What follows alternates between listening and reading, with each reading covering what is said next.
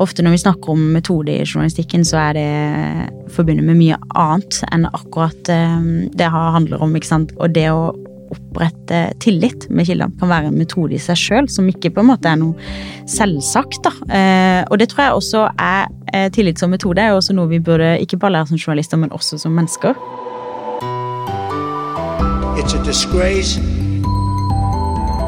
And I think they ought to apologize to start with. Dominere mediebildet. Failing media. Pile of garbage. False and fake, fake, fake, fake, fake.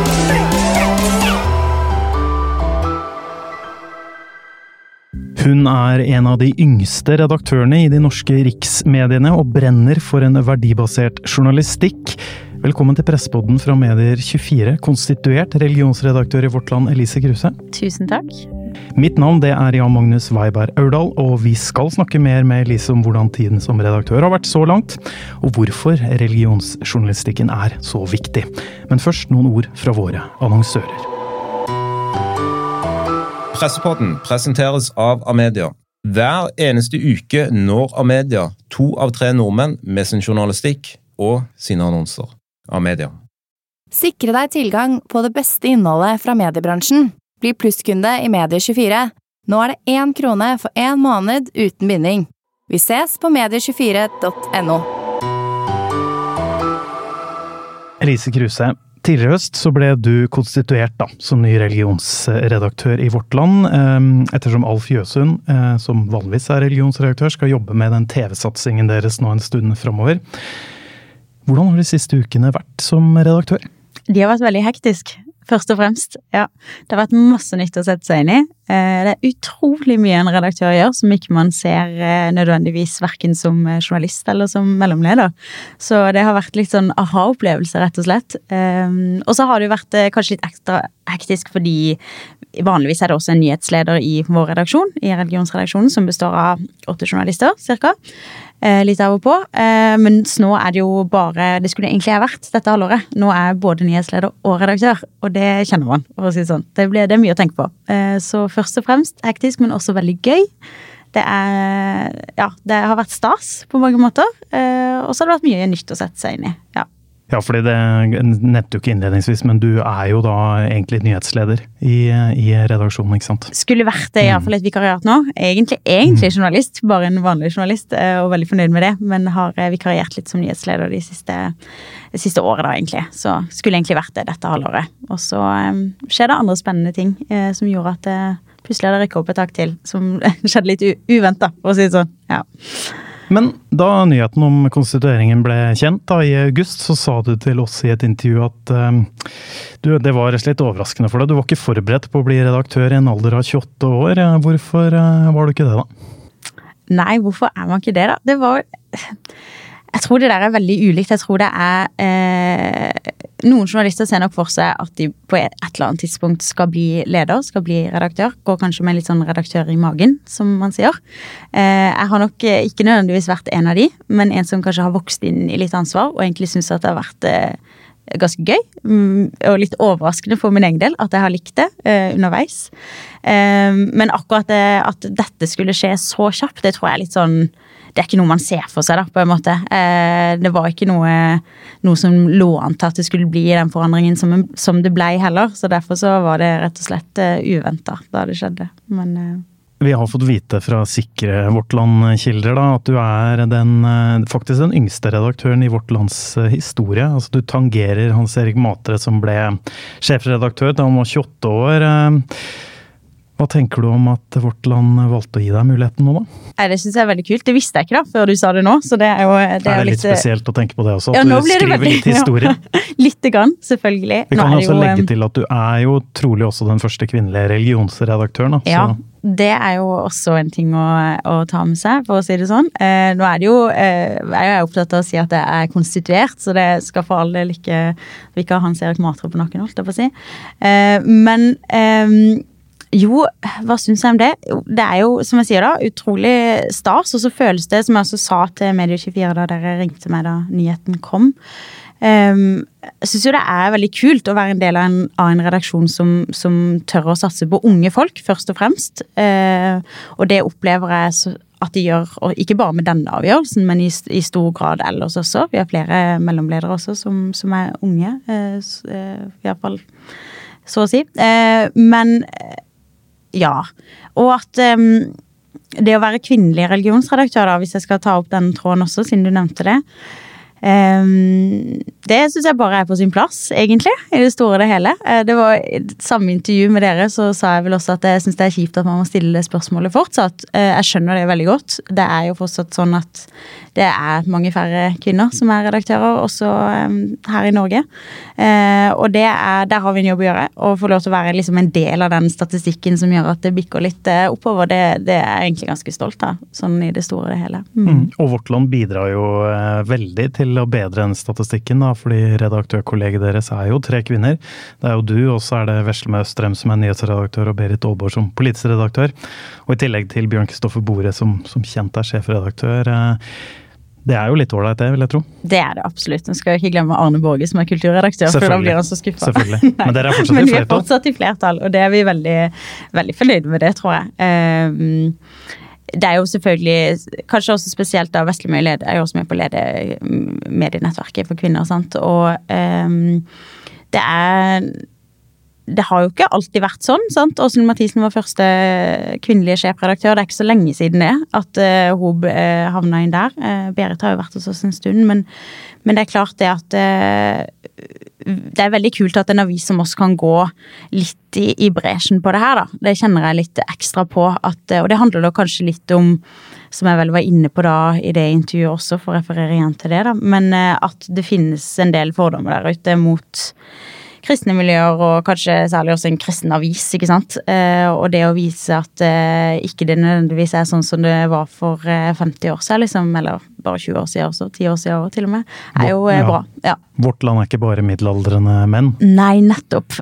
Det var det jeg prøvde å si, men det var fint at du kunne si det. men så lurer jeg på en ting. Det, var, det er noe av det um, jeg tror kanskje flere også egentlig lurer på, er hva gjør egentlig en religionsredaktør? For dette er jo en tittel som veldig få andre redaksjoner eh, har, hvis det er mulig å si på, i noen korte trekk? Ja, eh, det lurte jeg òg på inntil nylig. Nå eh, vet jeg litt mer om det iallfall. Det handler jo om å holde seg oppdatert på det som skjer på tros- og livssynsfeltet i Norge spesielt, men også ha et blikk utover, selvfølgelig. Um, og i alle fall sørge for at uh, journalistene i redaksjonen uh, holder seg oppdatert, hvis ikke man klarer til enhver tid sjøl. Men det skal jo aller helst være sånn at jeg skal ha god kontroll på det som, det som rører seg.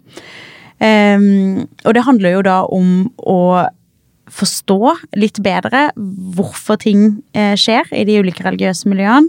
Hva det er som gjør det. Um, hjelpe leserne til å forstå de ulike strømningene som finnes der ute. Eh, og så handler det om å ha et, eh, et kritisk søkelys på organisasjoner, kirker og menigheter som kanskje ikke alltid de syns er like behagelig, men det er jo en del av, jobben vår og samfunnsoppdraget vårt. sant? Og, og, i de tilfellene også være med på å bringe ting fram i lyset som kanskje ikke nødvendigvis ville gjort det hvis ikke, da. Og det har jo kanskje også litt sammenheng med at vi er i en utrolig spesiell posisjon på mange måter. Det er jo Vi er den beste avisa i Norge på religion, det tør jeg å være såpass uh, frampå å si det. Um, og det er vi jo veldig, vi er veldig glade for den posisjonen, men vi må jo også jobbe for å holde, holde på den posisjonen. ikke sant? Så, så, det er jo min viktigste jobb, tenker jeg da. At det skal fortsatt være sånn at lesere som er interessert i, å, i dette feltet, skal komme til oss først og fremst for å finne ut av hva som foregår der ute. Eh, og det er, en, det er, en, utfordring, for det er mange andre som er flinke til å skrive om mye av det vi skriver om òg, men det er ingen som er så gode som oss, da. Det er vel eh, ja, det som er målet, iallfall. Mm. Fordi vi nevnte jo innledningsvis uh, altså Du brenner jo for uh, åpenbart religionsjournalistikken. Den verdibaserte journalistikken kan man jo også kalle det. Um, du nevner jo Vårt Land er, gode på det, selvfølgelig. Hvor, hvor, hvor viktig er rollen Vårt Land har i, i det norske medielandskapet, syns du? Jeg opplever den som, som veldig viktig, eh, naturlig nok, fordi jeg jobber der. Eh, men det har jeg egentlig alltid tenkt også. Jeg har jo eh, vokst opp med aviser eh, fra, fra, jeg var liten, og har alltid hatt den hjemme hos meg. Um, og har, den har gått gjennom en, en veldig utvikling. sant? Det skjer ting hele tida ettersom resten av Medie-Norge utvikler seg, og resten av samfunnet eh, utvikler seg også. Uh, men vi har um, en ganske unik posisjon i at vi er med på å liksom være dagsordensettende på akkurat det vi driver med. Det handler mye om religion, det handler mye om tro og livssyn. Det handler særlig mye om Kristen-Norge, som, som, selvfølgelig er vårt liksom, hovedfokus. Men det handler jo også om de større som du kaller det, denne verdibaserte nyhetsjournalistikken, det å gå inn i en sak fra et litt annet perspektiv enn det kanskje nødvendigvis andre medier gjør. sant? Uh, og det, den, det, er en særegen eh, posisjon som vi har, da, som, som vi ønsker å opprettholde. Og det, det handler jo om at folk kan komme til oss og vite at, de, at, vi går i dybden av ting. Vi går litt bak det som skjer i nyhetsbildet, ser på de etiske vurderingene som gjøres. Hvilke, altså, det, verdier er liksom vanskelig ord da, på, en måte, på mange måter. og Skal være litt forsiktig med hvordan man bruker det. Men, men det, det, handler jo i det store og det hele mye om, om etikk, ikke sant? Og, og og også de liksom, ideologiske strømningene som foregår, da, på en måte. Så det, skal, det er ikke bare liksom, Kristen-Norge og det. Så det er ikke bare sånn at vi ser på Den norske kirke, på en måte. Det er det ikke. Det er mye annet som ligger i, i vårt prosjekt også, men som på en måte favnes under denne her eh, eh Ja, Vårt Land-fanen, da, på en måte. Eller paraplyen, eller hva jeg skal kalle det. ja. Jeg har også lyst til å spørre deg hva du tenker om eh, eh den eh, verdibaserte journalistikken, eller, eller kanskje mer presist religionsjournalistikken til andre medier, riksmediene, da, spesielt i Norge. Hvordan synes du dette fagfeltet dekkes? Ja, jeg syns jo det skjer, det skjer, mye bra. Det gjør det. Um, og, men, men, vi er jo ikke helt fornøyde. Det er jo en grunn til at det er behov for oss, tenker jeg, først og fremst. Eh, og at vi har eh, såpass mange lesere som vi har, og at vi eh, ofte er liksom med på å sette dagsorden og skape debatt på om det er Dagsnytt 18 eller hva det skulle være da. Altså Det er jo åpenbart at vi, vi fyller et behov som et hull, vil jeg si, da, som, som finnes der ute. Og så skal jo jeg på en måte være forsiktig med å ikke få noen andre til å fylle det hullet, da. Så, så jeg, vi er jo på mange måter glad for at vi kan ha den posisjonen. Må ikke tipse dem om hva vi skal skrive om, nei. Nettopp, sant.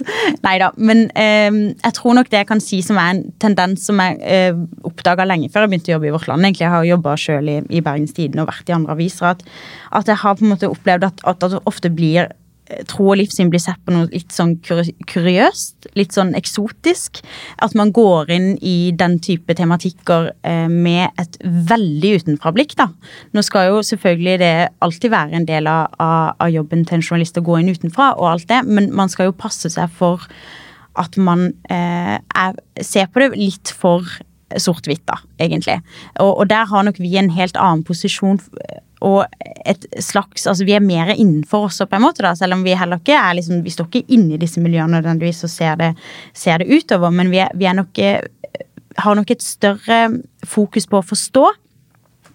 Og ikke på en måte Ja, kanskje liksom gjøre det litt mindre eksotisk, hvis du skjønner hva jeg mener. Hvis, litt, eh, ja, eh, hvis det gir mening, da. Eh, og det handler om Det tror jeg er viktig, da, på mange måter, fordi at tro og livssyn, religion, er så utrolig viktig for veldig mange mennesker. Selv om vi på en måte lever i et samfunn som stadig sekulariseres, og sekulariseres fort og raskt.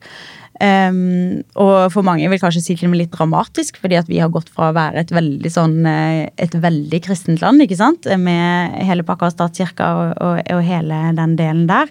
Um, og da er det noe med å anerkjenne at det faktisk fortsatt er sånn at tro og livssyn er veldig viktig for veldig mange mennesker.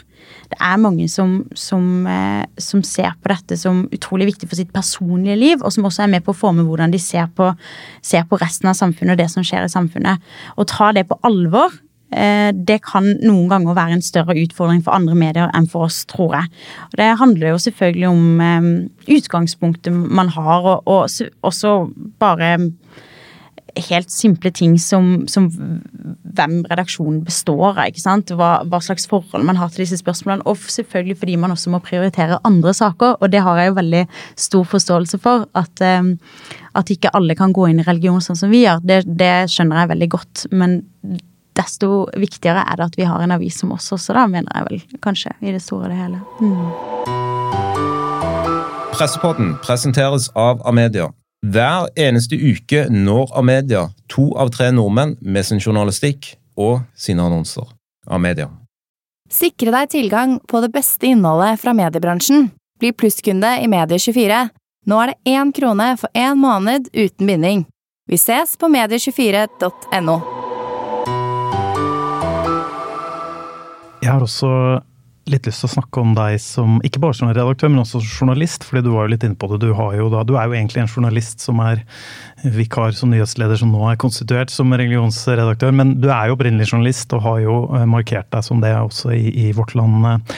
Um, og med featuresaker og portretter og nyheter og osv. Og, og det er én sak som har fått spesielt mye oppmerksomhet, og det var en featuresak dere hadde i, i sommer, i juni med, med tittelen 'De valgte bort sin egen sønn, så valgte de å begrave han'. En veldig mm, sterk eh, historie om et eh, par som valgte å abortere et barn med Downs syndrom, men som likevel gjennomførte en begravelse.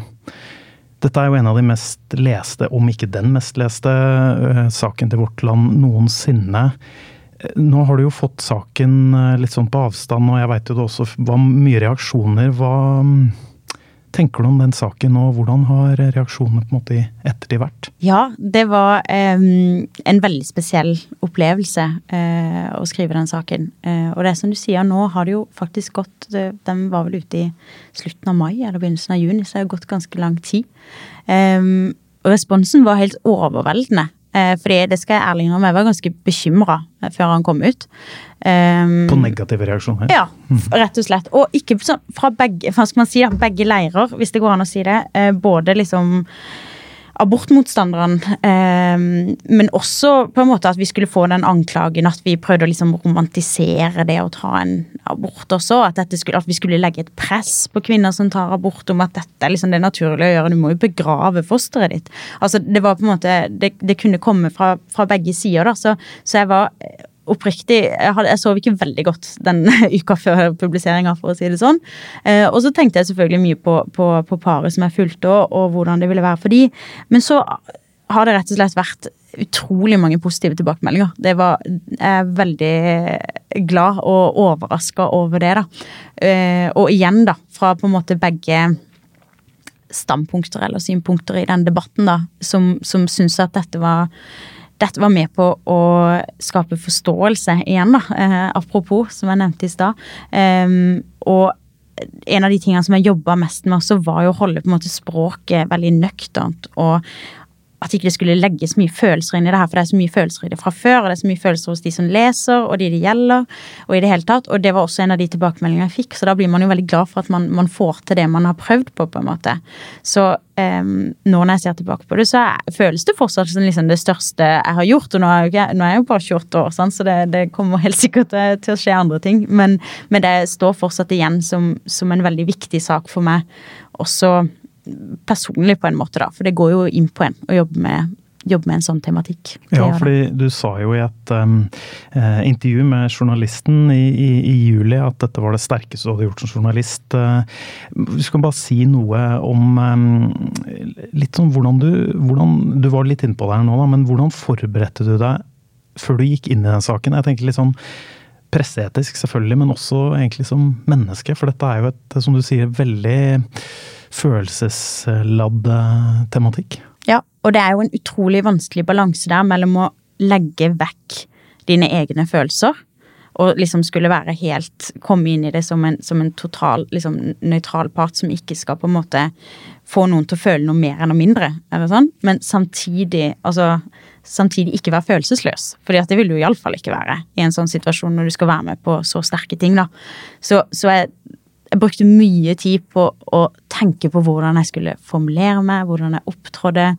Aldri vært så bevisst på liksom notatblokka mi som jeg var i, i, de ukene jeg var med de og var med, var med de. Um, og alle sånne ting da, uh, ble mye viktigere enn det har vært tidligere. Um, og så ble det veldig viktig å prate om det utenom jobb og med kollegaene mine også, da, og liksom prosessere det litt for min egen del òg, fordi at det var det var veldig sterkt. Særlig det, den delen der vi var med på å legge fosteret ned i kiste. Som er sånn det er ikke hver dag du liksom ser et dødt foster på jobb, på en måte, og må forholde deg til det. Eh, så da, da, var det viktig å, å ha gode, gode kolleger og, og, sånn som man kunne prosessere det med i ettertid. Da. Um, og som journalist også, så var det jo mye å tenke på her. ikke sant? Det er utrolig sårbare mennesker du har med å gjøre, samtidig som vi opplevde dette som veldig oppegående folk som visste akkurat hva de gikk inn i, og vi hadde jo mange runder på hva vi skulle gjøre og ikke gjøre med tanke på anonymisering og, og alle sånne ting. Men så føler du jo også at du har et visst ansvar, for det er du som kjenner eh, Presse-Norge og Medie-Norge, det er du som vet hvordan dette vil komme ut. Og det, det, kan, det, har ikke de forutsetningene for å helt forstå. Og det tror jeg vi ofte glemmer også som journalister, at, at eh, vanlige folk ikke, tenker ikke på dette sånn som oss eh, i det hele tatt. Eh, og der har vi et utrolig stort ansvar for å, for å, informere og hjelpe folk å ta informative valg også, da. Så, så der ble det jo sånn at vi ble de var i utgangspunktet positive for å skulle stå fram, men vi, vi, ble enige om at det beste var å anonymisere dem, og det var de veldig glad for i, både i for, altså underveis og i ettertid. da, ja. Mm. Uh, men det, det, var mye sånne, sånne avveininger som, som, man ikke, som man hører om på journalistikkstudiet, men som man tenker at man aldri får oppleve. Men det, Nå fikk du en veldig tung erfaring ja. uh, på mange måter med det. Mm. Nå har du fått ekstra, litt ekstra tid til å tenke på det og reflektere over det også. Hva du kan si noe om hva du, hva du har med deg eh, etter at du har jobba med den saken. Da tenker jeg både som journalist og menneske. Hva er det du på en måte har lært? Jeg tror eh, Veslemøy Østrem, som er nyhetsredaktør i Vårt Land, sa det veldig godt i etterkant da vi snakka om saken liksom, i plenum på jobb. at eh, Hun kalte det for liksom det å bruke tillit som metode. Ofte når vi snakker om metode i journalistikken, så er det forbundet med mye annet enn akkurat det handler om ikke sant, graving og innsyn og alle de praktiske tingene. Men det å, det å opprette tillit med kildene. på en måte, hvor viktig det, Hvordan det kan være en metode i seg sjøl, som ikke på en måte er noe selvsagt. da. Eh, og det tror jeg også er eh, tillit som metode er jo også noe vi burde ikke bare lære som journalister, men også som mennesker. ikke sant? Så det, det henger ganske tett sammen med det. da. Um, så det tror jeg nok er det viktigste jeg tar med meg etter den saken. At um, du må, eh, du må hjelpe Altså, du må være til å stole på, og du må hjelpe kildene dine til å forstå at du er til å stole på. Og det, det siste der er ikke alltid så lett heller.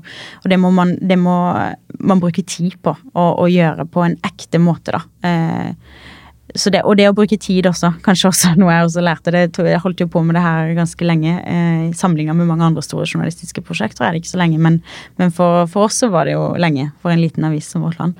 Um, og så syns jeg det er litt sånn Noe av det jeg syns kanskje var litt ekstra stas også, var at mange av de gode tilbakemeldingene som kom, de, de fokuserte også på at de syntes det var så bra at det var Vårt Land som skrev denne saken, og at det var, at, at det var vi som gjorde denne journalistikken. Og det um, det håper jeg vi kan gjøre mer av, da. Det, ja. Du um, er jo ikke Det er jo ikke bestemt hvor lenge du skal være konstituert, har jeg forstått. Men, men, enn så lenge er du jo det.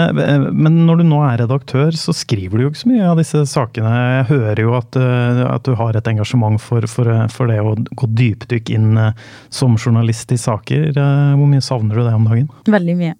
Mm, det gjør jeg. Eh, er heldig nok til at jeg liksom får prøve å skrive kommentarer annenhver uke, men, men, det er ikke i nærheten av nok til klør i fingrene. Det gjør det, altså. Det er bare å være ærlig om, eh, åpne om, tror jeg.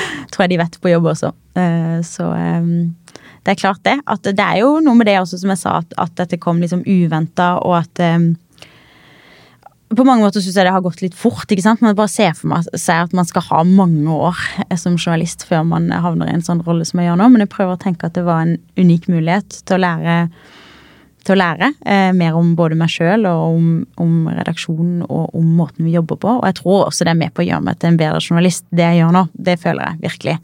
Men eh, det skal bli godt å skrive litt igjen på et tidspunkt også. ja. Helt til slutt da, så tar vi et langt sprang, som det heter. Jeg bare mm, tenkte jeg skulle spørre om Jeg hørte et rykte om at du faktisk kunne endt opp som reality-kjendis. Eh, skulle egentlig være med på Farmen, stemmer det? Å oh, nei! Det sa du ikke noe om at du skulle si noe om.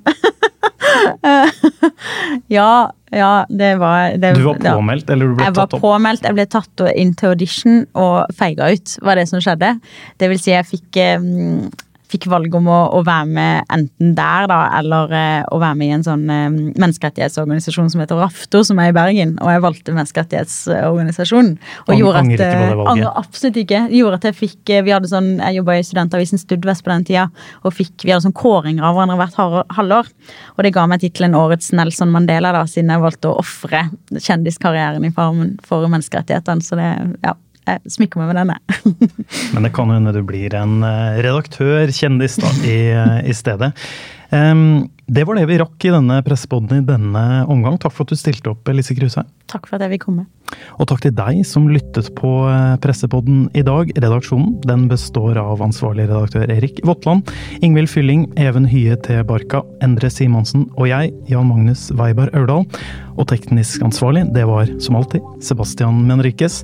Vi høres igjen i neste episode.